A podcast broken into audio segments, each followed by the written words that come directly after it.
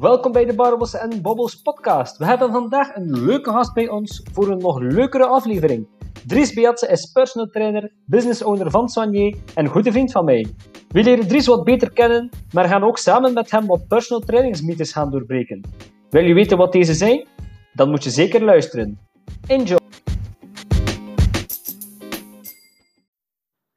Welkom bij de Barbels en Babbels podcast. En we zijn terug voor een nieuwe aflevering en vandaag zitten we samen met uh, Dries Beatse, personal trainer, business owner, succesvol business owner en uh, goede vriend van mij. Welkom Dries. Dank u wel Jeffrey. Merci voor mij te hebben. zeg, Dries, tell us something about you. Ja, uh, wie ben jij? Wat doe jij? Ehm, wat zijn je hobby's? Ja, tell us. Ja, Dries Beatse, Ronsen, kleinere stad onder Oudenaarde. Um, ja, eigenlijk dat je zegt, personal trainer en zaakvoerder hier van Soigné. En daarmee is het, uh, het grootste deel gezegd, denk ik. Uh, heel veel tijd voor hobby's zijn er niet. En dan daarnaast heb ik natuurlijk ook uh, al twee kindjes samen met mijn partner. Dus in de weekends gaat onze tijd grotendeels naar onze kindjes, hè, vier jaar en twee jaar. Dus een hele leuke leeftijd. En als dat weekend is, dan uh, genieten we daar volop van. Maar tijdens de week, tijdens de week gaat, uh, gaat eigenlijk alle tijd naar, uh, naar Soigné, naar de uitbouw van Soigné. Maar dat is ook heel plezant, we doen dat heel graag. Nooit het gevoel van aan het werk te zijn. Het is een passie dat een beroep geworden is. En dus ja, als je dat kunt doen, dat is plezant. Hè? Awesome, awesome, dat klinkt top. Vooraleer we daar dieper op ingaan, zou ik eerst nog eens willen teruggaan in de tijd met jou. Um, hoe was Dries als, als kind vroeger? Oh, heel flink. Heel een, een hele flink. nee, ja, als kind... Ik ben altijd wel sportief geweest. Ik heb zo een heel klein stukje gevoetbald, omdat ja, vroeger op de speelplaats met mijn vriendjes speelden, allee, speelden de meeste jongens wel wat voetbal. En dan waren er uh, altijd bij die, die, die speelden in de lokale voetbalclub. En dan een keer dat dat seizoen gestart was, dan lieten ze dat weten. Van, ah, we zijn al twee, drie weken bezig, je bent nog niet ingeschreven zouden een keer niet kijken. En dan ging ik met mijn ouders geven ons in. Maar we waren zo altijd, we waren daar niet echt heel betrokken We waren altijd te laat om in te schrijven. En ik heb uh, zo een jaar of twee in de goal gestaan, denk ik. En dat ging eigenlijk wel redelijk goed. Ik vond het ook wel plezant. Maar um, ja, op een bepaald moment hebben we dan toch gezegd van ja, we waren zodanig daar niet zo mee bezig. Ik ben er dan mee gestopt en ik heb dan de fiets uh, ontdekt ben dan beginnen fietsen eigenlijk met een vriend van mijn ouders, een, een volwassen persoon. Ik was toen 11 jaar, 12 jaar en, en, en beginnen fietsen. Ik op de stadsfiets van mijn zus, die voor haar plechtige communie een redelijk mooie stadsfiets had gekregen. En dat was de beste fiets dat we in huis hadden. Dus uh, ik met een dienen mee. En dan ja, ging dat al snel vrij goed en is dat zo uit de hand gelopen. Hè. Op mijn 14 jaar ben ik beginnen competitiefietsen. Dus ja, mijn jeugd heeft eigenlijk uh, bestaan uit competitief fietsen, competitiefietsen tot uh, mijn 21 jaar. Competitiefietsen, wat moeten we daar ons dan bij voorstellen? Is dat dan uh, elke weekend wedstrijden? Is dat een beetje hetzelfde zoals de voetbalclubs? Of, of hoe, hoe zit dat dan in elkaar? De wielrencompetitie in de jeugd die gaat eigenlijk gelijk aan, aan de wielercompetitie met, bij de profs. Dus dat begint eigenlijk in het voorjaar. Uh, in rond ja, maart, april begint dat. En um, dat eindigt dan oktober. Is dat ongeveer gedaan. En dat is eigenlijk een handjaar door. Maar natuurlijk, ja, dat is inderdaad, zoals je zegt, elk weekend een wedstrijd. Maar dat is een hele lange periode. En dus wat gebeurt er naarmate dat bij de jeugd is dat elk weekend hetzelfde natuurlijk. Dat zijn lokale kleine wedstrijden. Maar als je hogerop gaat, ja, dan beginnen natuurlijk grotere wedstrijden te hebben, internationalere wedstrijden te hebben. En dan krijg je ja, veel grotere planningen, macroplanningen in je jaarcyclus. En dus dat wordt er ook gepikt naar wedstrijden.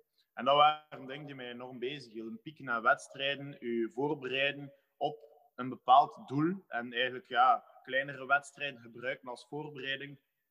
Ik vond dat heel leuk en we hebben dat ook altijd heel professioneel, heel minutieus gedaan. Maar altijd als doel om eigenlijk beroepsrenner te worden. Maar dat is dan finaal. Finaal is dat dan niet gelukt. Ik heb last gekregen van een rugblessure.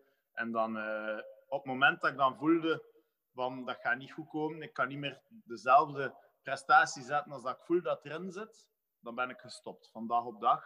En uh, ik heb er ook nooit echt spijt van gehad achteraf.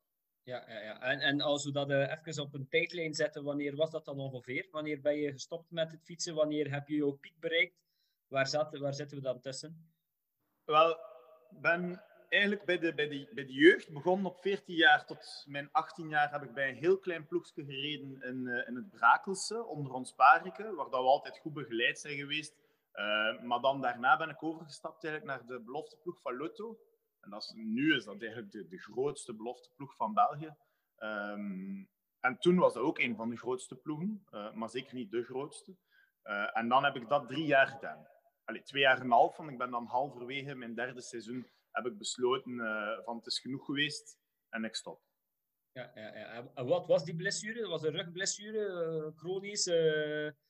Wel, het, probleem dat wij eigenlijk nu heel vaak zien in de praktijk hier, en dat is ook de reden waarom dat ik ben LO gaan studeren nadat ik gestopt ben met fietsen, omdat de rugklachten die ik had, die konden wel behandeld worden. Eigenlijk was het probleem dat mijn, mijn, mijn bilspier en de aanhechting met mijn rugspier en mijn core stability algemeen eigenlijk te zwak was. Dus mijn, mijn bovenbeen waren heel sterk.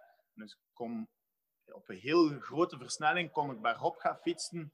Maar eigenlijk mijn bovenlichaam kon dat niet aan. Mijn bovenlichaam was vrij tenger. Maar toen der tijd was dat niet zo ingeburgerd als nu. Dus toen dachten wij dat wij eigenlijk alles perfect deden. Dat we het beste deden dat we maar konden. En op het moment dat ik de blessure begon te voelen, in mijn tweede jaar bij de beloften, heb ik dan ook eh, contact gehad met Lieve Maaschalk. En dan daar een ganse winter bij Lieve Maaschalk voor gerevalideerd. We zijn dan ook bij um, uh, Jeff Brouwers geweest, de sportpsycholoog. Een heel gekende sportpsycholoog die Frank van den Broek nog geholpen heeft. En daar ook de hele winter bij gegaan voor in het geval dat het een mentaal probleem was.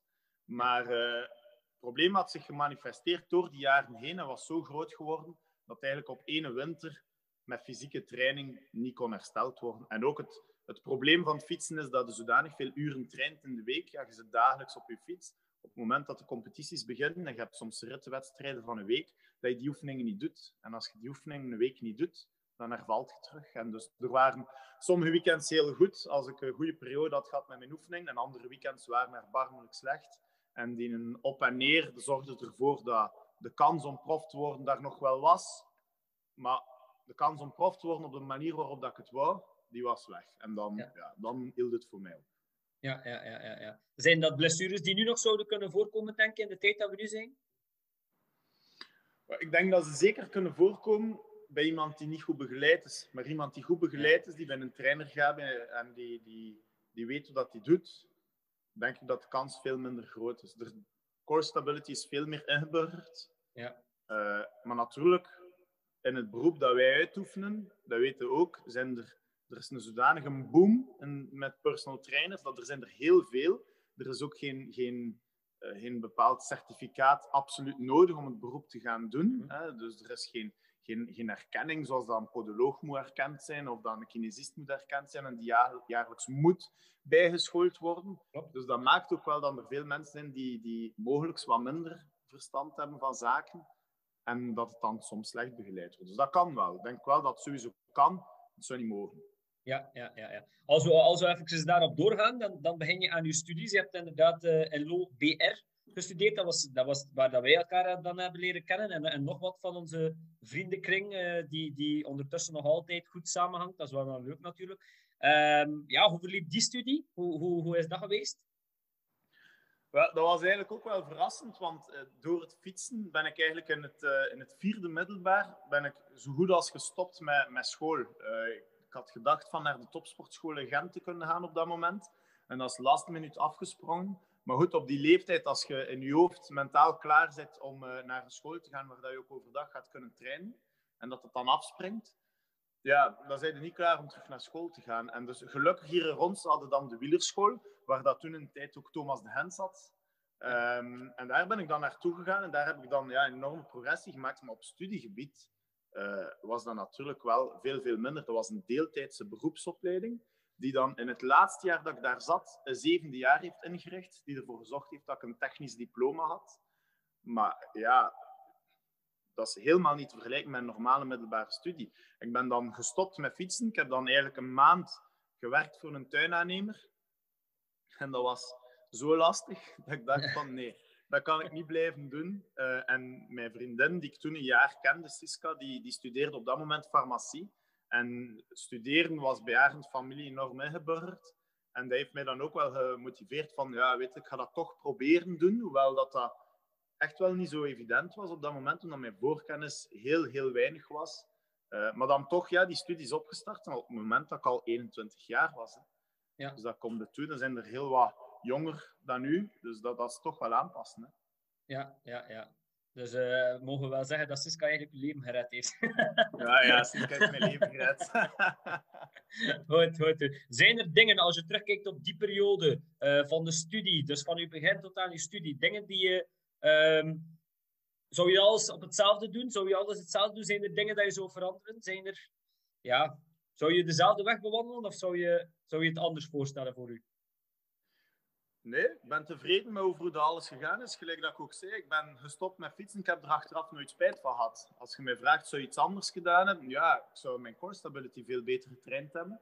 En dan uh, had ik misschien nu nog geen trainer geweest. Was ik uh, nog altijd wielrenner geweest, dat wel. Maar ik heb er geen spijt van. We hebben toen op dat moment hebben we alles gedaan dat we dachten dat goed was. Ik was heel goed begeleid. Ik had mensen rond mij die er alles voor gedaan hebben. Dus allez, uh, ik heb er geen spijt van. Maar dat zou ik wel anders gedaan hebben. Daarnaast van studies en de manier waarop dat we alles gedaan hebben. Want wij hebben, eh, ik ben nu 30 jaar, Siska is 30 jaar. We hebben een kindje van 4 jaar, we hebben een kindje van 2 jaar. We, we wonen nu al 4 jaar in ons huis dat we zelf verbouwd hebben. En ondertussen heb ik, hebben we Soigné uitgebouwd, want Siska heeft me daar enorm veel in geholpen. Samen met nog veel andere mensen. Maar ja, natuurlijk doet dat samen met je partner. En uh, we hebben heel veel op een korte tijd gedaan. Maar het is ook wel leuk, het is gelukt.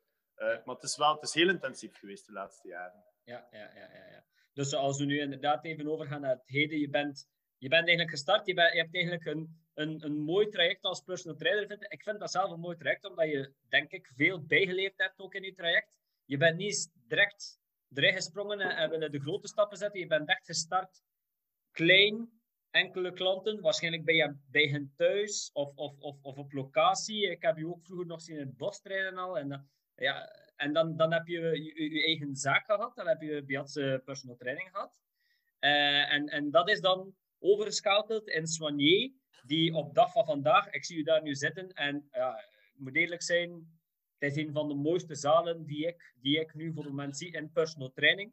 Naar, naar fitness toe, daar spreken we niet over, maar uh, wat je nu doet is natuurlijk wel ja, heel, heel, heel ja, next level, vind ik. Ja. Uh, hoe, hoe is die ervaring om, om van daar helemaal in het begin te starten en nu daar bij Soigné te zijn?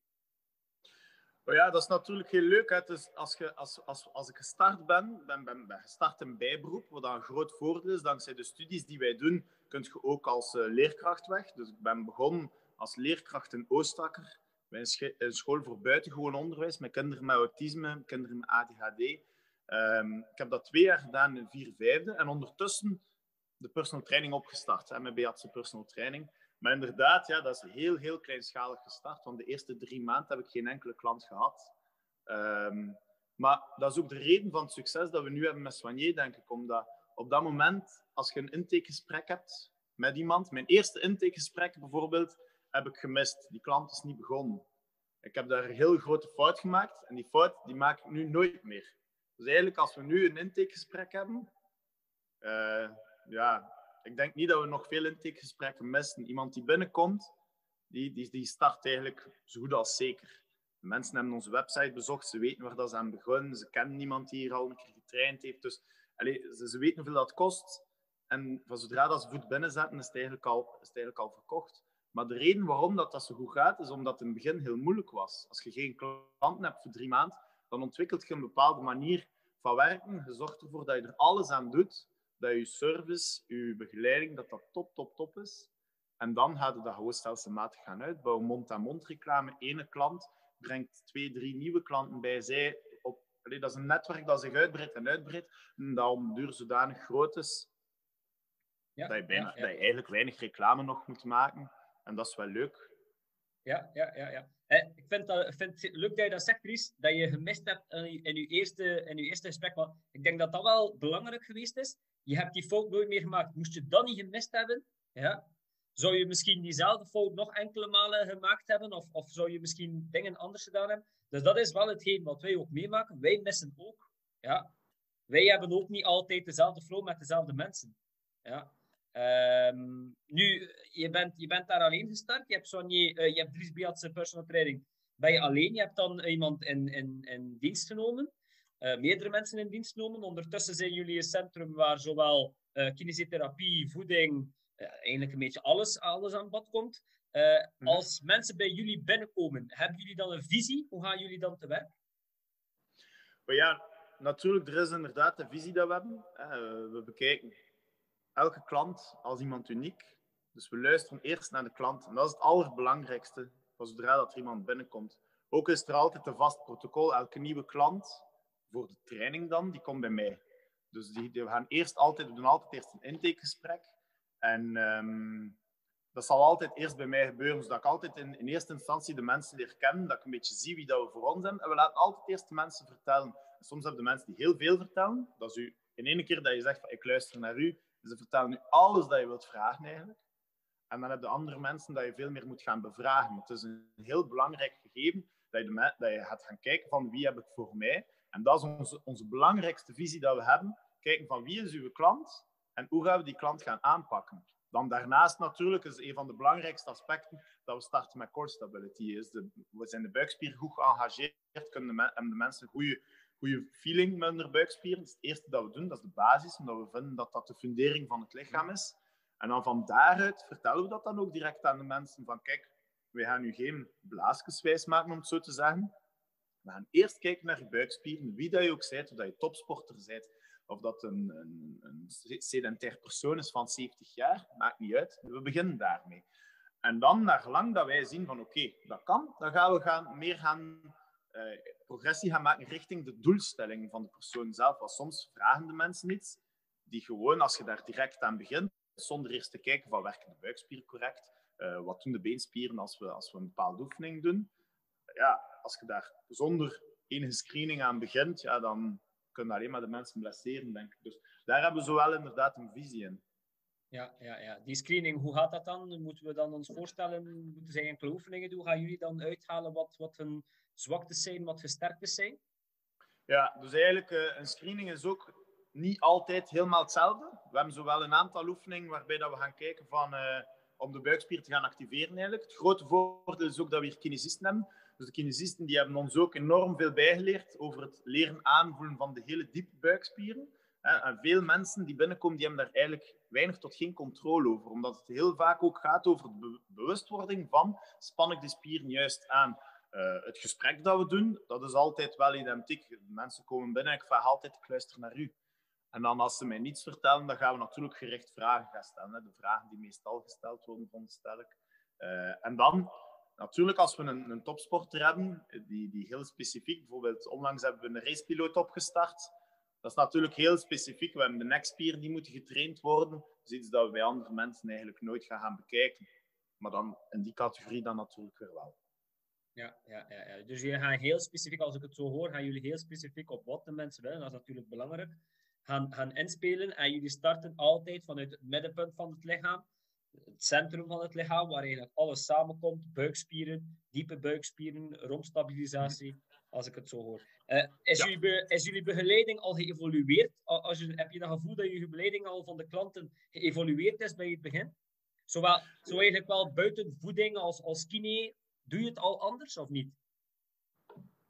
Maar, natuurlijk, uw begeleiding evolueert constant. De, de, de manier waarop dat we ons benaderen naar de klanten toe, de service die we geven, die is altijd gelijk gebleven. Dus elke nieuwe klant die binnenkomt, behandelen we alsof dat onze eerste klant is. Dat is altijd gelijk gebleven. Natuurlijk, de manier waarop dat je oefening gaat gaan geven, de manier waarop dat je voorbereidingen maakt, ja, door ervaring gaat dat natuurlijk allemaal veel sneller. Je gaat ook nieuwe dingen gaan bijleren. Ook elke nieuwe trainer die erbij komt, leert ons nieuwe dingen bij. Uh, we hebben nu twee vaste trainers die bij ons werken. En uh, we zijn echt gezegend met twee hele goede trainers. Eén trainer, Brecht, is eigenlijk triatleet. Die zijn specialisatie ook daarin wat heeft. Hè. Die, die heeft nu een loopgroepje die hij altijd meeneemt naar de atletiekpiste in Oudenaarde. En die dan ook hier binnen uh, drills gaat gaan doen. Dus eigenlijk altijd als we mensen hebben in die sector, weten we van ja, oké, het is een beetje Brecht zijn domein. We gaan aan hem vragen van wat gaan we daarmee doen. Hij heeft ook iemand die marathon trailruns loopt, die hij heel intensief begeleidt. En dan onze laatste nieuwe trainer, Benjamin, die is zeer uh, bezig met functional training. Zie je ook het gaan aanspannen van de spieren met behulp van rekkers. En, en daar leren we enorm veel bij. En ook onze kinesisten leren bij van ons en wij leren van de kinesisten. En dat is wel leuk. Zie, en zo is onze begeleiding, zeker vergeleken met het begin, toen ik helemaal alleen was, enorm geëvolueerd. Enorm. En ik denk dat dat ook het belangrijkste is als personal trainer, dat je ook beseft dat je begeleiding moet evolueren. Ja, ja. dat je nooit stopt met leren dus. Ja, ja, ja absoluut. absoluut. Ja, ja, ja, ja, ja. Um, goed. Uh, dat was een beetje over, over. Straks komen we daar misschien nog wel eens op terug. Wat ik nu vooral vandaag wilde doen met jou, is... Ik wil met jou enkele personal training mythes gaan doorbreken. Ja? Uh, ik, ik vond daarover laatst een postje van terug op uh, Instagram. En ik vond dat wel tof, want mensen lezen dat. En, en sommige mensen staan daar niet echt bij stil. Wij als personal trainer staan daar natuurlijk wel een beetje bij stil. Uh, dus ik heb er elf in totaal. De bedoeling is natuurlijk niet dat we over uh, alle elf uh, 15 minuten gaan babbelen. Maar dat gaat wel redelijk vlot gaan, denk ik. uh, de eerste. De trainers weten alles over alles. Ja, dus wij zijn blijkbaar de alwetende uh, allvader die uh, alles kent van personal training, voeding, uh, fietsen, lopen. Wij zijn een duizendpoot daarop. Klopt dat of niet? Ja, dat, dat klopt zeker niet. Zoals dat ik juist al gezegd heb, ook zelfs bij ons in de praktijk. We zijn met drie trainers. En um, ja, Brecht is veel meer gespecialiseerd in het lopen dan dat ik dat ben, bijvoorbeeld. En dan Benjamin dat is. En uh, bijvoorbeeld Benjamin is zelf voetballer. Als er een voetballer binnenkomt, gaan we, gaan we sowieso kijken naar Benjamin om die begeleiding te doen. Um, wat je ook ziet in grote steden is dat in personal, personal training in Gent bijvoorbeeld, daar heb je enorme niches. En dat is het beste bewijs dat een personal trainer zeker niet alles weet over alles. Uh, we zijn geen huisdokters, we zijn eerder specialisten. En um, dat is wel belangrijk. Je ziet dat, bij ons ziet dat wel iets minder. Wij zitten hier rond, het is een kleinere stad. Eigenlijk iedereen die personal training uh, volgt, die komt. En we hebben heel veel verschillende soorten mensen. Bijvoorbeeld onze diëtist die heeft een zaak in Gent. En dat is dan veel meer gespecialiseerd in een bepaalde niche. Uh, maar daar is ook niets mis mee. Ik vind ja. dat niet erg. Uh, iedereen heeft zijn specialisatie. En door met elkaar te praten kun je alleen maar bijleren. En het is ook een belang van de klant dat je kunt doorsturen naar iemand die een bepaalde specialisatie heeft. Ja. Heb, je, heb je soms niet dat gevoel dat de klanten dat wel verwachten van ons? Dat we alles weten? Ja, maar ik denk dat, uh, dat ook een van onze sterktes is. Ook altijd als we nieuwe mensen hebben. We hebben bijvoorbeeld nu ook opnieuw een stagiair. Ik zeg altijd, uh, zorg dat je de basis weet. Het is heel belangrijk dat je, de basis, dat je daar meester over bent. En dan kun je vanuit die basis een keer out of the box gaan denken over bepaalde dingen. Maar als je over, iets, over een bepaald onderwerp iets niet zoveel weet, zeg dat dan direct dat je dat eigenlijk niet weet. Dat weten de mensen ook direct wat ze aan je hebben. Als je dan over een bepaald onderwerp wel iets weet, dan weten ze ook dat ze dat kunnen vertrouwen.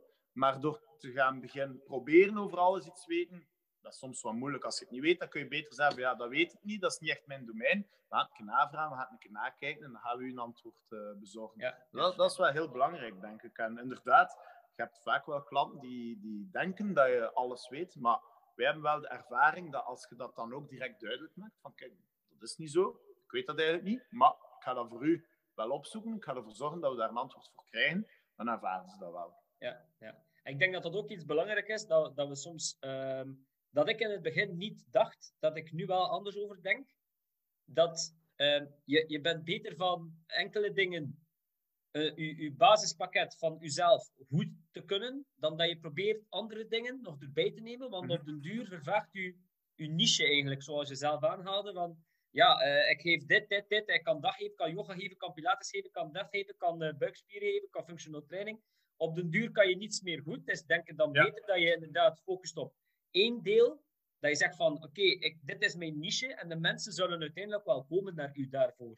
Als de mhm. mensen willen naar Soigné komen, komen ze, weten ze van, ja, ik kan daar functional training geweest, kan ik daar terecht bij Dries of bij uh, uw andere trainer Benjamin. Uh, de triatleten kunnen ook daar terecht. Maar bijvoorbeeld een, uh, een ehm, bodybuilder kan bij jullie niet terecht. Of je kan mhm. er wel terecht, maar ja, het is niet jullie niche. Zou jullie nee, dan ook zeggen tegen die persoon van, kijk, het spijt ons, maar...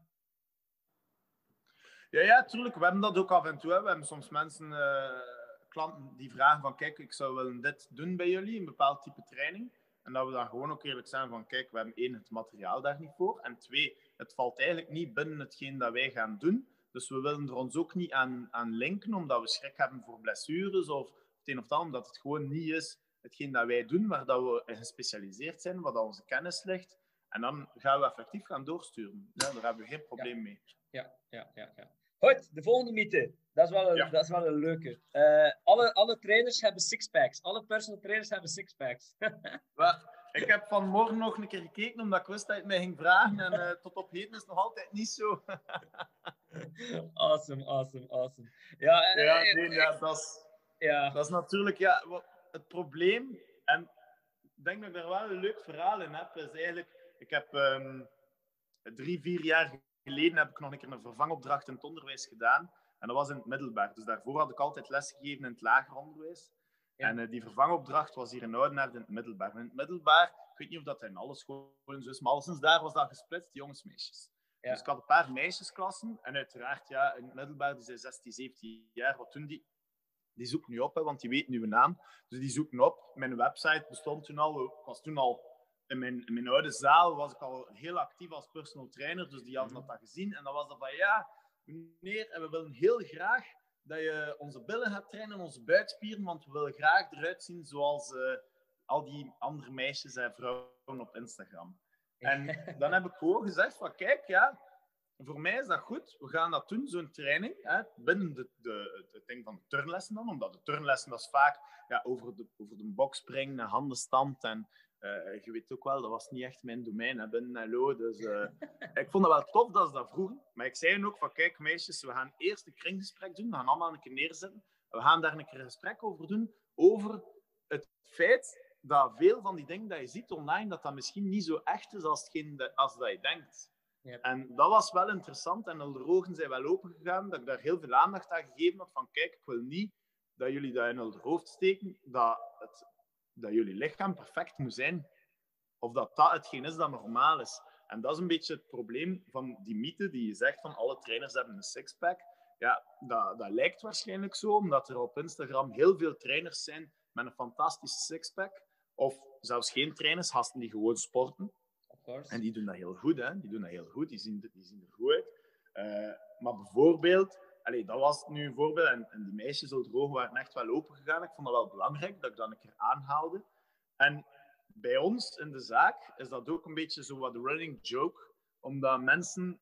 Ik heb heel wat vrouwelijke klanten die al een keer gezegd hebben van ja, maar bij Dries komen we graag. Want Dries ziet er heel normaal uit. Ja. en ik weet niet of dat een compliment is. Of... maar als ze zeggen van ja, we zouden een beetje geïntimideerd zijn om bij iemand die mega, mega, mega gespierd is te gaan. Dat zou ons een beetje afremmen. En om, omdat ik vroeger met Beatse personal training was ik het enige uithangbord. En ik ben heel normaal, ja, mijn tijd om zelf te sporten is ook geslinkt naar uh, heel, heel, heel weinig. En een krachtsporter ben ik nooit geweest. Dus, maar we hebben wel heel veel kennis over de sport en over de begeleiding. En we hebben wel zelf geen sixpack, maar uh, ergens diep van onder zit hij wel. Zo. Of course, of course. He's there, he's there. But komt er gewoon niet altijd uit. En uh, laat me u één ding zeggen. En aan alle trainers, ik wil niemand attackeren. Trainers met een sixpack, perfect. Ja? Maar de trainers zonder sixpack, mensen, dan heb je meestal een goede vast. Weet je waarom? Omdat die meestal heel veel, en eh, uit eigen ervaring, en ik ben zeker dat dat bij u ook zo is, wij gaan al onze aandacht in plaats van trainen zelf, leggen wij al onze aandacht op het trainen van een klant. Ja? Ja. En wij gaan veel vlugger een uur klant trainen, voornemen op een uur zelf trainen. Ben ik daarin correct? Dat is, dat is, ben 200% mee. Uh, we zien dat ook heel vaak met, met nieuwe trainers, jonge, jonge gasten die van, uit de studies komen en die een volledig verkeerd beeld hebben van wat dat personal training is. En uh, dat is wel jammer, omdat ze komen vaak toe. Ze denken één dat ze heel snel heel veel geld gaan verdienen. Uh, terwijl dat je eigenlijk gewoon ja, heel veel moet werken. en, dat je, en dat je eigenlijk heel veel tijd gaat hebben om zelf te trainen. En in het begin heb je natuurlijk wel wat tijd om zelf te trainen, maar dat mag en voor mij uw prioriteit niet altijd zijn. Het is oké, ik ben zeker niet iemand die zegt van je moet altijd alleen maar werken, werken, werken. Uh, want hiervoor heb ik veel meer uren, dan had ik heel vaak dagen van plus 10 uur begeleiding. En dat we 10, 11, 12 uur soms zelfs uh, klanten begeleiden. Gewoon ook omdat ik alleen was. Ja. En ik heb nooit nee gezegd tegen een klant. Ik heb altijd al ja gezegd. Ja. Uh, maar natuurlijk nu met Benjamin en Brecht erbij zijn de taken veel meer verdeeld en geef ik een stuk minder training. Geef ik ja. normaler uh, uren training. Ik denk dat ik een vijftigtal uur training geef per week nu. Ja. Wat dat een beetje varieert natuurlijk, met annulaties of geen annulaties. Ja. Uh, en dan de rest natuurlijk ook papierwerk die erbij komt. Maar inderdaad, beginnende personal trainers hebben vaak het verkeerde beeld van ik ga zelf heel veel trainen. En, en dat, dat is natuurlijk niet het beroep. Het beroep is mensen begeleiden. Ja, ja. Nu, het enige wat ik wel geleerd heb, het enige wat ik wel al geleerd heb, is nee zeggen. En ik zeg het nog veel te weinig. Ja, maar uh, ik ging mijzelf soms echt gaan wegcijferen. Dus ik, ja, ik ging mezelf soms als personal trainer, je weet dat ook, werk je meestal late uren ook. Uh, dus wat, wat ga je doen? Je gaat jezelf gaan wegcijferen. Morgens uh, 6 uur 30, ja, nog iemand erbij. En, en je doet dat dag op dag. En uh, op een bepaald moment ben je zodanig je lichaam aan, aan het verbranden, bij wijze van spreken. Dus ik heb wel al voor mezelf ingeplikeerd. Oké, op die dag en die dag train ik zelf. Ja? Omdat dat voor mij ook een, een ja, voor mij is dat ook een, een uitlaatklep en, en, en ik doe het ook graag. Um, dus op die momenten probeer ik wel niemand in te plannen. Nu, ik weet, op een bepaald moment ga ik toch weer overgeven aan, aan, aan de klant zelf. Gewoon omdat, zoals je zegt, het is een passie dat we graag doen en, en we, we, we doen het graag. Dus ja, maar ik heb wel een klein beetje geleerd van nee te zeggen, maar ik vind het toch nog altijd moeilijk. Ja, ja, ja, maar dat is belangrijk. Dat is belangrijk. En wij hebben gewoon ook zelf klanten gehad die, die zeiden van, Dries, er is een woord dat bestaat, drie letters. Nee. Ja.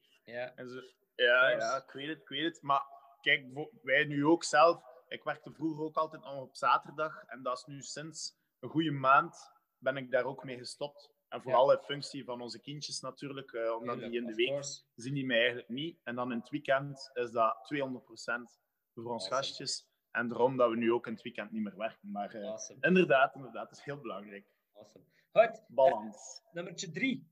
Trainers zien graag wanneer je het afzien zijn of pijn hebben. No pain, no gain. ja. dat las ik, dat was awesome. awesome. Veel van mijn klanten gaan, uh, gaan zeggen van, ja, is dat een mythe? Dat is natuurlijk zo, maar nee, ja, dat is, uh, dat is altijd wel zo'n running joke. Als mensen aan het afzien zijn, dan zeg je van, ja, dat is goed, maar er is natuurlijk wel een grens. En uh, als je een meer ervaren trainer bent en je kent je klanten goed, dan weet je heel goed tot waar dat je kunt gaan, tot waar dat je moogt gaan. Het is ook goed om een limiet op te zoeken. En sommige mensen hebben die een push nodig om een keer goed af te zien. Maar er is natuurlijk een lijn waarin dat we zeggen van dat is genoeg bijvoorbeeld. Uh, ik zeg heel vaak tegen mijn klanten van als je pijn hebt, bijvoorbeeld bij buikspieroefeningen, en je hebt pijn in de rug, direct stoppen. Zeker ook als we soms mensen hebben die in duo komen trainen, dat is niet altijd continu in de gaten hebt en dat we dan zeggen van kijk, deze oefening, we zeggen nu dat je bijvoorbeeld moet 20 herhalingen doen.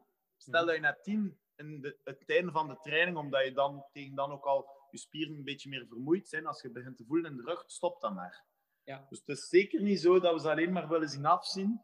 Maar het moet wel een beetje afgezien worden. Hè? Hell yeah, hell yeah. Want weet je, weet je wat dat de meeste mensen hebben?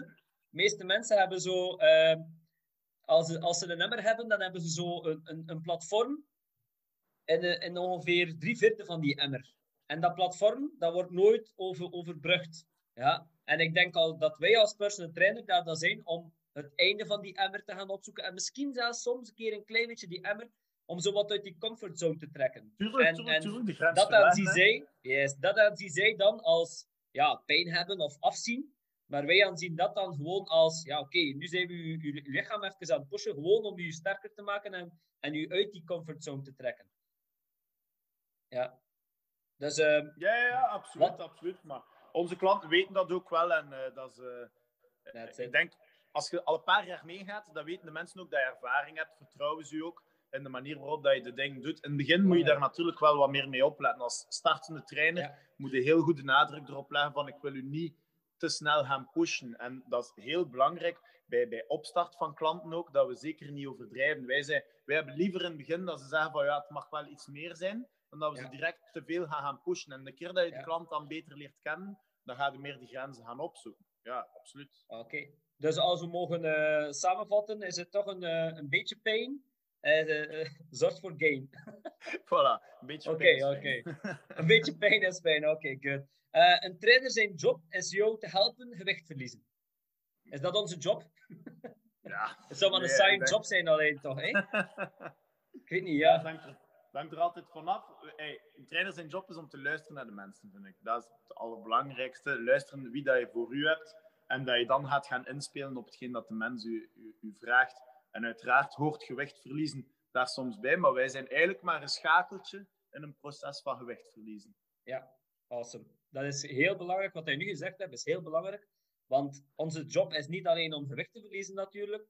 We gaan de mensen gaan motiveren. We gaan de mensen meenemen in een verhaal dat ze, dat ze eigenlijk al misschien jaren willen doen, maar dat er nog nooit aan gekomen is. We gaan, we gaan, eigenlijk, een, we gaan eigenlijk een schakel gaan zijn in die, Mhm. inderdaad, in, in, die, in die veranderingen in hun leven. En ehm, ja, dat gewicht verliezen, ik vind dat eigenlijk maar een klein stuk. Want ik heb ook tuurlijk, tuurlijk. ik heb ook veel mensen die eigenlijk denken dat ze gewicht moeten verliezen, maar eigenlijk is dat niet zo. Ze zoeken gewoon Ja. naar, ja, naar, een, naar een verbetering in hun leven, naar een, naar een, ja, naar een Ja, of, of het verkeerde beeld van het ideaalbeeld. eh, Allee, het verkeerde een ideaalbeeld in hun hoofd hebben dat niet realistisch is. En, ehm, wij, wij zeggen heel vaak aan mensen die, die bij ons binnenkomen, die willen gewicht verliezen, ehm, dat we zeggen, van, kijk, eigenlijk voor ons is dat niet zo belangrijk, dat je gewicht verliest. En eh, onze grootste doelstelling is dan vaak dat die mensen na zes maanden tegen ons komen zeggen van, ja, kijk, ik voel me eigenlijk supergoed, de training is eh, een, een deel van mijn leven. En ik voel dat alles in balans is. Mijn voeding is in balans. Ik eet gezond, maar af en toe kan ik mij ook wel een keer laten gaan en ervan genieten. Mijn sport is in balans, want ik kom graag sporten. Ik doe dat graag. Ik doe ook mijn extra's thuis als, als dat soms nodig is.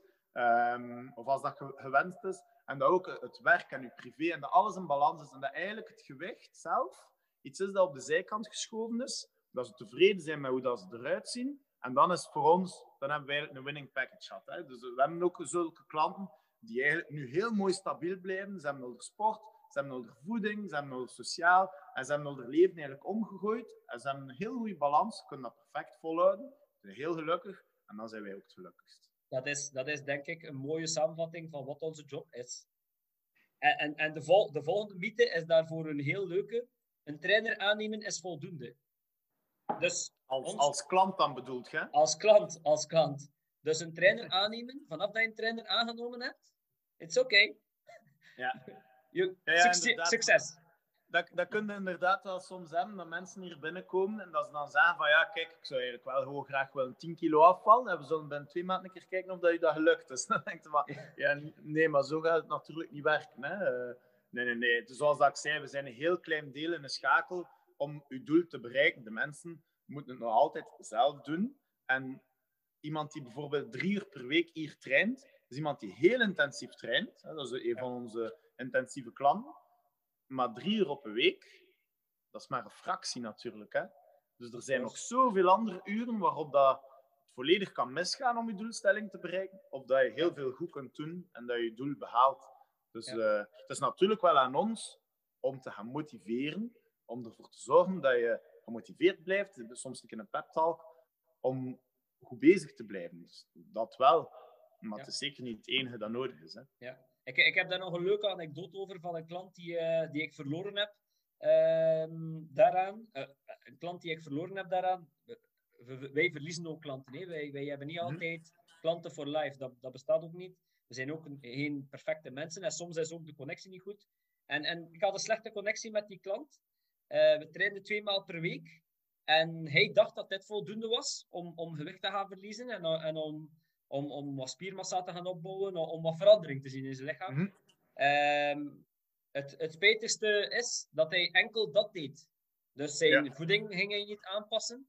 En eh, na de training ging hij eh, nog drie duiveltjes gaan drinken. Du duvel, na de training. Dus ehm, met, met gevolg, na een maand trainen, was zijn lichaam er niet beter aan toe. Het was er slechter aan toe dan dat we begonnen waren. En eh, toen heb ik dat gewoon, want, want, want dat is ook iets wat, ik- wat ik veranderd ben. Ik heb dat toen gewoon ook recht op de man. En dat was denk ik mijn eerste keer dat ik iets recht op de man heb gezegd. Ik, wa, ik was niet boos, maar ik heb het hem gewoon straight off gezegd van, kijk, dit gaat niet werken. Je bent er niet klaar voor. Je lichaam ehm, heeft heel veel meer nodig dan hetgeen dat wij doen. En ja, je zit gewoon in een verkeerde flow. En Mhm. ik heb die mensen nooit meer gezien. Ik hoop ondertussen dat hij oké is, dat hij iemand anders gevonden heeft waarbij dat de klik wel beter gaat, dat hij zijn leven heeft kunnen omdraaien, dat hij gezond is. Maar hij was niet gezond bezig. eh was overweight, eh, veel visceraal vet. eh, eigenlijk zichzelf een beetje aan het opzetten voor, voor, wat- voor wat gezondheidsproblemen te krijgen. Ik hoop ondertussen echt, met, met de grond van mijn hart, dat alles oké is met hem en dat hij zijn weg gevonden heeft. Maar het kan dus ook. zeker. Zeker. Ja. Ja, ja, ja, tuurlijk. Ja. Goed, next one. Ehm, een perfecte workout is een uur lang. Ja, wel, het ding is dat bij ons de training wel altijd een uur zijn. Maar een perfect workout is niet altijd een uur lang. Maar natuurlijk, wij werken hier per uur. Dus een Ja. training duurt hier altijd wel een uur.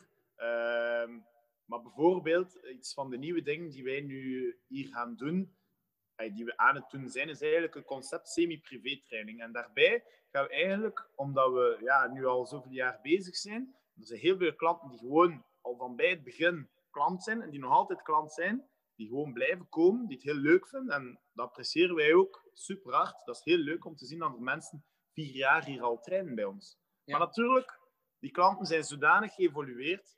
Een opwarming, dat gaat vanzelf. Die weten perfect wat ze moeten doen.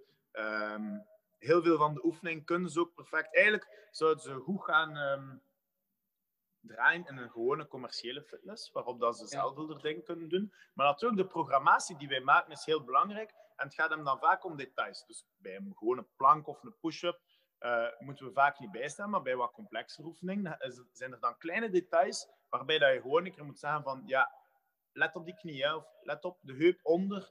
En die hele kleine details, ja, dat maakt natuurlijk dat een begeleiding van een uur voor ene klant, ja, dan moet ik bijna niets meer doen. En dat heeft mij aan het denken gezet van we moeten iets doen, ook omdat ja, veel van de klanten die kwamen dan twee keer per week trainen en gaven ook aan van we zouden wel willen in de toekomst drie keer per week trainen. Dan hebben we gezegd als we die nu een keer gaan, gaan groeperen in een groepje, waarbij dat ze dan ze krijgen een klemmap met een programma erin. En we beperken dat tot vijf personen. En die mensen die gaan eigenlijk dan individueel aan het werk. Ze nemen zelf materiaal, ze moeten het zelf ook weer opruimen. En tegenwoordig is dat ook met ontsmetten en alles erbij. Ehm, en ze werken al het programma af. En ik loop rond en ik ben die vijf personen tegelijk aan het begeleiden, terwijl dat ze alle vijf op een ander programma staan.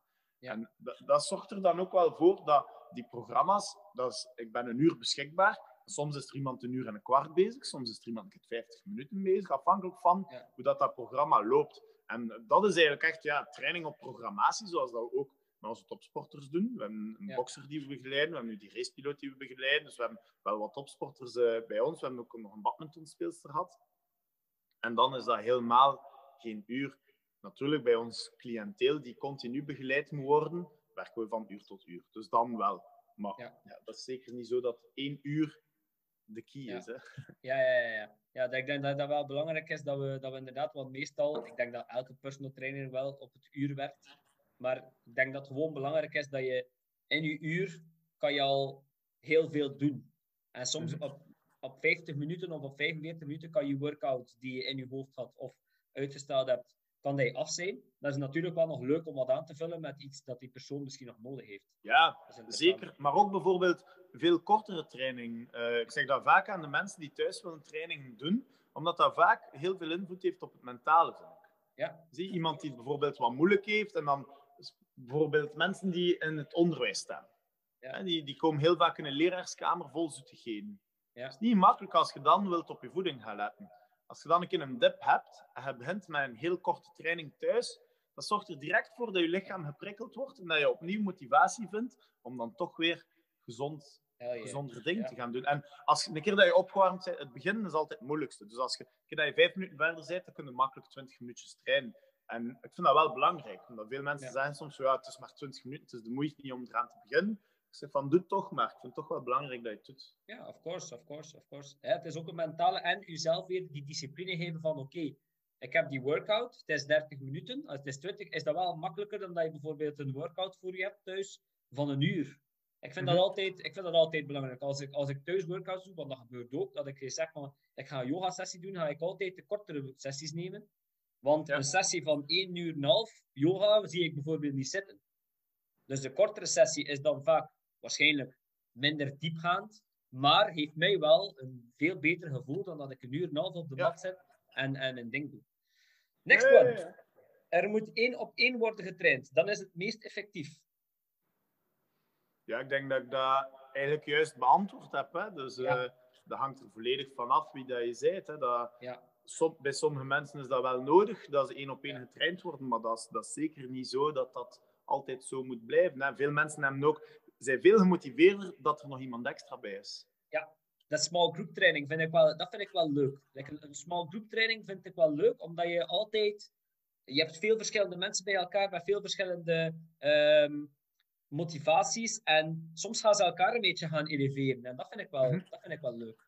Ja, ja, zeker, zeker, zeker. Hè. We- We merken dat enorm bij mensen die, die anders misschien iets minder zouden gemotiveerd zijn of die het niet graag hebben, dat je daar een uur aan een stuk alleen maar op hun vinger staat te kijken, dat dat dan veel beter werkt op een andere manier. En ook ja, het semi-privé gegeven dat ik juist heb uitgelegd, dat is het beste bewijs. Die, die mensen halen enorm goede resultaten, omdat ze ook, ja, ze blijven op datzelfde programma gedurende vier weken en dan wordt het programma omgegooid.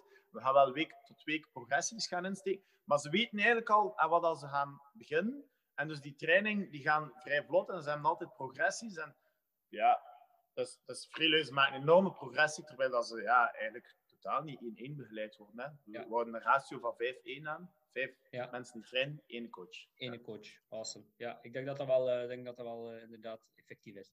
Ehm, het beste uitgangsbord is jezelf. Hmm. Ik denk dat het wel belangrijk is dat je naar jezelf kunt kijken. Dat Ja. is wel belangrijk. Eh, zeker ook omdat er heel veel dingen buiten zijn. Zo bijvoorbeeld op Instagram. Als je, als je daar alleen maar naar gaat gaan kijken, ja, dan is het niet goed. Daarnaast zijn er natuurlijk wel mensen zoals wij, personal trainers en al dat soort zaken, die je kunnen helpen om eigenlijk gemotiveerd te geraken en zo. Dus Ja. dat, is, een beetje twee, tweeledig, denk ik. Hè? Ja, ja. Ik denk, ik denk het beste uitgangsbord is jezelf, dat dat wel klopt. Ehm, ik, ik denk het beste uitgangsbord is jezelf, want mensen gaan praten tegen mensen over jou en zo wordt het woord nog altijd, ook al is er personal training, eh, is er Instagram, is er Facebook, is er alles dat je maar kunt hebben. De, mijn meeste klanten, want ik, ik ben nu ook al vijf jaar bezig de vier jaar bezig in bijberoep. De klanten, ik, ik, mijn bijberoep ga ik nooit veel over, over reclame maken, maar ik heb allemaal mensen die, ah ja, ik heb gezegd tegen zij dat ze je moet bellen. Ah ja, oké, goed, voilà, boom, hup, klant. Ah ja, ik heb, eh, ik heb haar een keer gesproken en ik heb haar gezegd, ja, ga voorzien, ik moet dat aan. Boom, hup, klant. En zo gaat dat een beetje door. Dus ik denk het beste uitgangsbord is jezelf. Op het, op het, op het punt van alles wat je doet moet kwaliteit zijn als je training geeft en het is goed, is dat gewoon voor de mensen een, een, een, een teken om te zeggen van, ah ja, ik ga een keer babbelen tegen hem over, eh, over, over Jeffrey. Of kan ik een babbelen tegen hem over Dries. En zo wordt de cirkel gemaakt. Ja, ja, ja, ja, absoluut. Ja. Ja. Goed, personal training is enkel voor rijke mensen.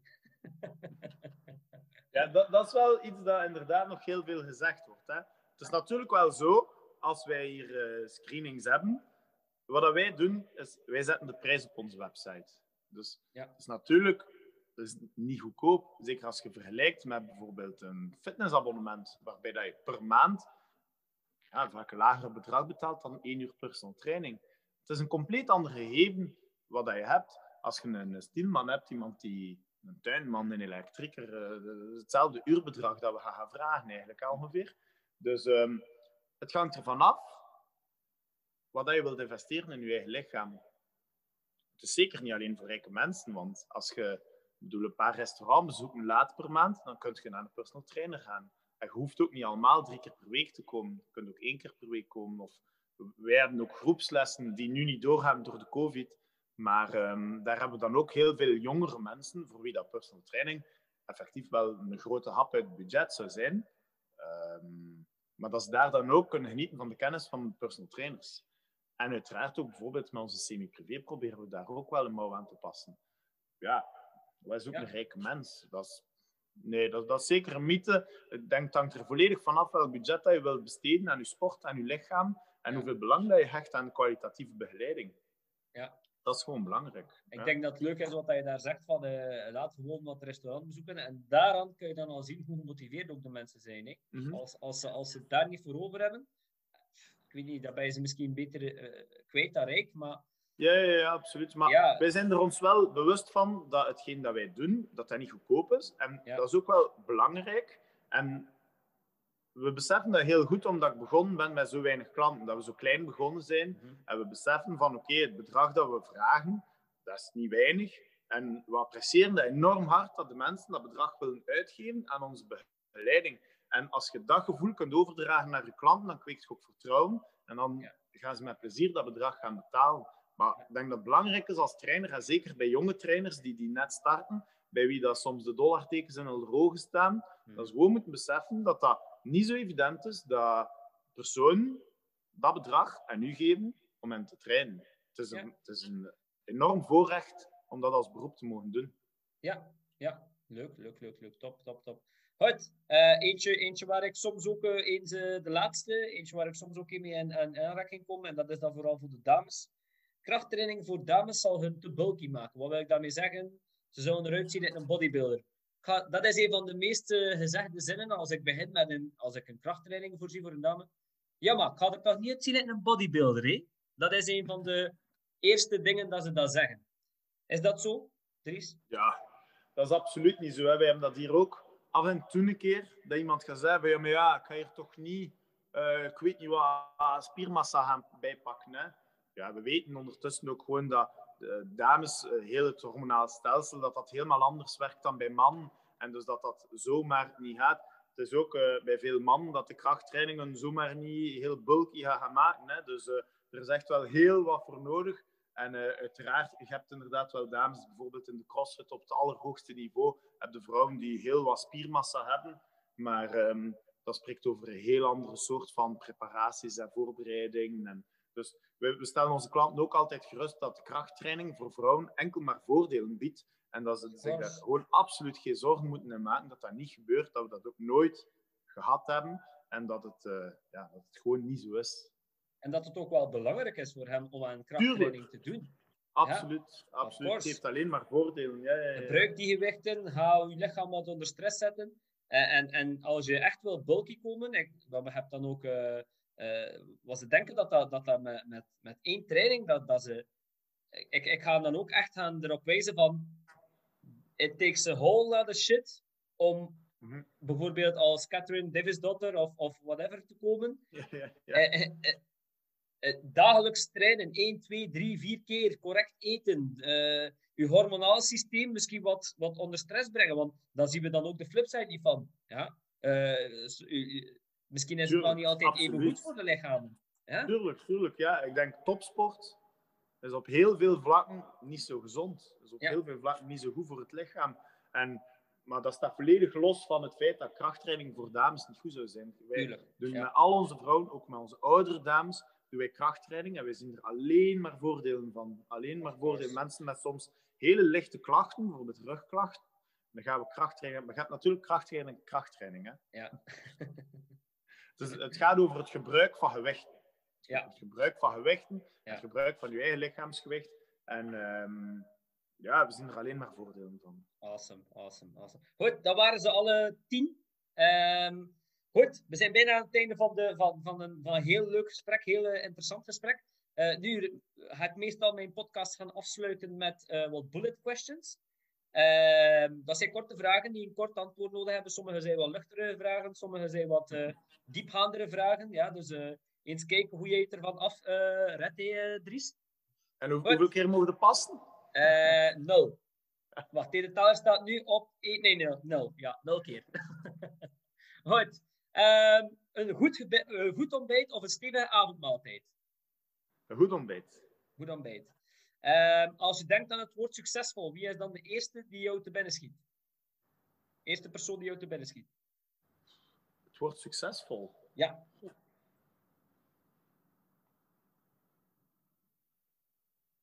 God, dat weet ik zo niet goed. Ik heb eigenlijk ook nooit, toen ik vroeger fietste, echt zo opgekeken naar mensen of idolen had of zo. Dus ik ben daar, ben daar eigenlijk niet zo mee bezig. Daarom, eh, ik vind niet direct iemand. Nee. Nee, nee, nee, nee. Ehm, goed, dat gaan we misschien nog wel komen. Misschien ga je nog een in ingeving krijgen. Ja, ja. Ehm, wat is iets raar en onaangenaam die jou regelmatig overkomt? Dat is een moeilijke. Dat is een moeilijke. Geef het toe, dat is een moeilijke. Oh, dat is een hele moeilijke. Iets, iets raar en onaangenaam dat me regelmatig overkomt. Ja, het feit dat er spinnen rondlopen in huis en dat ik die niet wegpak, dat Siska dat moet doen. dat is een beetje raar, dat is heel onaangenaam als ze rondlopen. Are you kidding me? Spinnen, serieus? Tuurlijk, tuurlijk, ja. Dat zijn de regels in het huis. oh, als, we, als we het mogen stellen, is Siska zo wat een man in huis dan. ja. Uh, goed, heb je een lifeboat, Dries? Ja, hard werken. hard werken, dat is uw lifeboat? Ja, hard werken. Hard, hard work pays the bills. Voilà. Ja, absoluut, ja. Goed. Uh, heb je, en zo ja, wat zijn ze, ochtendrituelen? Wel, zoals dat je zelf aangeeft, je begint vaak vroeg. Wij beginnen elke dag om 6 uur kwart. Dus mijn ochtendritueel bestaat erin opstaan, met kleren aandoen en naar Soigné komen. en voor de rest is er niet zoveel. Gewoon beginnen. Ja, nee, eigenlijk niet. Eigenlijk niet. Ik eet ook pas iets later. Ik eet pas na een paar klanten, eet ik dan mijn ontbijt op Soigné rond 8 uur. Ja. Ja, ja, ja, ja. Welk boek, documentaire of film aanzie jij als een hef voor iedereen?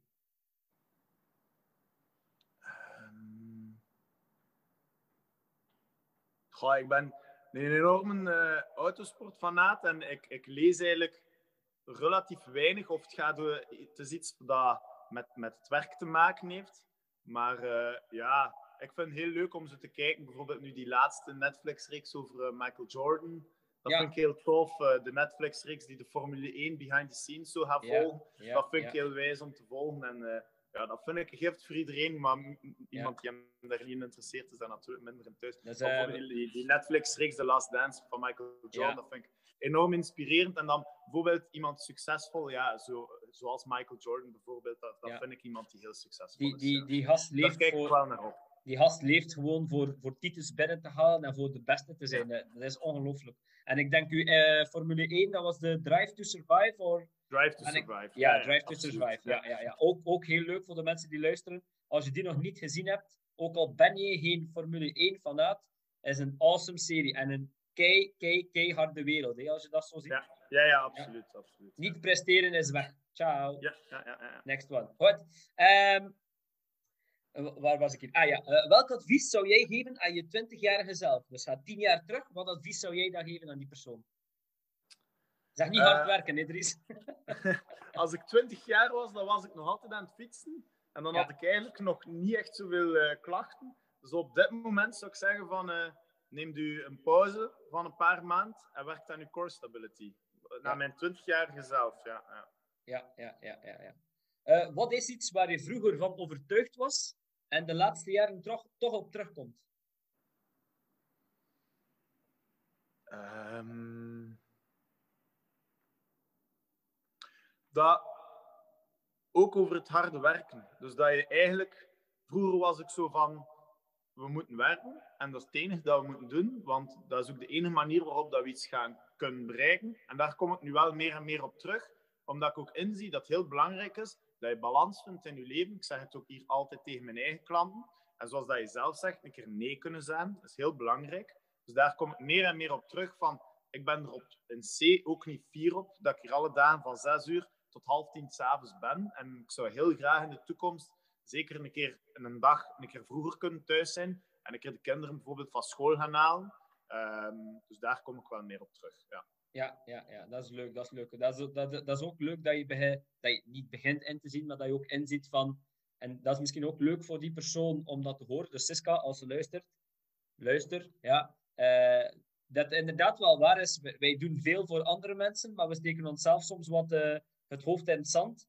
En, uh, maar we weten dat ook wel. En dat is wel, dat is wel leuk. Maar ja, we zijn gewoon uh, doe het voor alles. De laatste.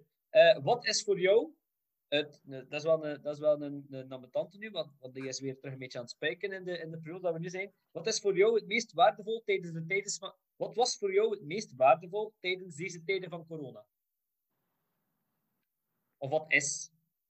Het meest waardevol voor mij, dat is natuurlijk mijn gezin. Hè.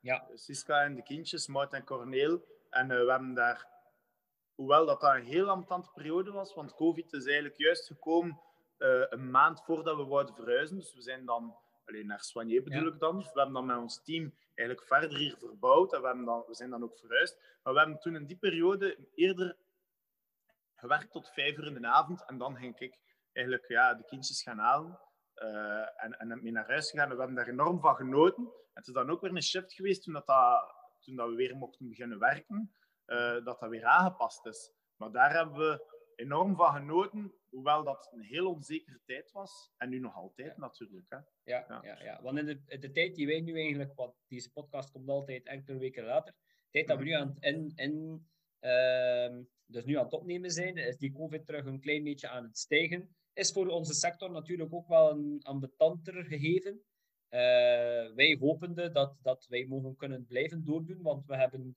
hiervoor voor het gesprek nog eventjes gebabbeld erover. En toen haalde Dries ook aan dat, dat er nog geen positieve gevallen geweest zijn door eigenlijk in Soigné zelf te trainen. En als we, als we nu eventjes de bal mogen goedslaan, uh, is sporten en gezond leven en gezond eten en gewoon gezond zijn mentaal niet de beste remedie tegen een, een ziekte of een virus zoals uh, COVID? Ja, ik ben natuurlijk geen dokter, maar uh, we horen dat toch wel dat dat heel belangrijk is. En ook al onze klanten, jong en oud, die geven dat ook aan van ja, maar ik wil gewoon sporten zodat ik fit ben en ik voel mij dan ook veel beter en dan ben ik ook zeker dat ik beter gewapend ben voor in het geval dat, dat ik ziek word en dan ook los van covid, hè, ook andere dingen, want mensen worden ook uh, aan andere zaken ziek, hè, die dan ook weer on hold gezet worden tijdens de coronatijden. Dus uh, ja, wij hopen inderdaad dat tegen de tijd dat de podcast online komt, ja, dat we niet, niet weer dicht zijn. Ja, ja. Ja, dat is, dat is, want, want nu zijn we in een periode wat, wat dat zo'n beetje een switch is. En je mhm. voelt het wel zo wat in de lucht hangen natuurlijk. Hè? uh, ja, ja, ja, inderdaad. inderdaad. We, wat, wat ga jij, waar dat naartoe gaat. Ja. Wat, wat ga jij doen, denk je eenmaal? Moest er ooit, ik, ik, ik denk het niet, maar moesten ze ooit terug een lockdown doen? Of moesten ze jou sluiten? Wat is dan het plan? Wel, als ze ons sluiten, het plan, ja, we hebben eigenlijk tijdens de vorige lockdown hebben we al gekeken van ja, eigenlijk is ons uh, inkomstenmodel heel gevoelig, want wij hebben toen geprobeerd om online training te gaan aanbieden. Mm -hmm. we hebben dan een aantal van onze klanten ook online getraind, maar ja, omzetgewijs was dat een fractie van hetgeen dat we nu doen. Um, en we zijn nu eigenlijk ook aan het kijken, samen met een klant van ons, om eigenlijk een, uh, een softwarepakket te gaan ontwikkelen om boekhouding voor personal trainers specifiek te gaan ontwikkelen. Eigenlijk. Omdat we merken door de jaren heen, door de groei van Beats Personal Training naar Soigné, dat die papiermolen uh, ook veel belangrijker wordt en dat de programma's die er huidig op de markt zijn, soms veel te veel zijn en dan andere veel te weinig zijn. En dus we willen die perfecte middenmoot creëren, daar zijn we volop mee bezig. En ik denk als uh, COVID opnieuw komt en uh, alles wordt gesloten, dat ik me daar wat meer ga mee bezighouden. En uiteraard met andere zaken binnen Soigné, want we hebben hier ook twee uh, kinesisten, Sam en Virginie, en die gaan altijd iets langer mogen doordoen dan de personal training. Dus Soigné zal vermoedelijk niet volledig gesloten worden. Misschien dat de personal training on hold wordt gezet. Maar dan blijft Soigné natuurlijk open en dan blijf ik daar ook natuurlijk in meedraaien. Hè. Ja, wat vind je van het online gegeven? Is dat ook iets dat je zou uh, direct kunnen terug op? Is, u, is uw model daarvoor gebouwd om direct over te schakelen naar die online? Ja, we kunnen direct overschakelen naar online training. Dat is geen probleem. Het, uh, het probleem is voornamelijk dat ons cliënteel daar niet uh, op voorbereid is. Ja. Dus de mensen die we trainen, die willen wel heel graag blijven verder trainen. En bijvoorbeeld, zij zouden dat heel graag willen dat we dan bij hen thuis kunnen gaan. Misschien als dat een optie is dat je dan in de tuin met, met afstand en zo training geeft. Maar ja, voor veel mensen is die technologie uh, toch nog wat moeilijk. We hebben er wel een aantal bij wie dat, dat gelukt is. Uh, en die dat waarschijnlijk weer opnieuw zouden doen. Maar uh, ja, we hopen toch gewoon dat het niet nodig is.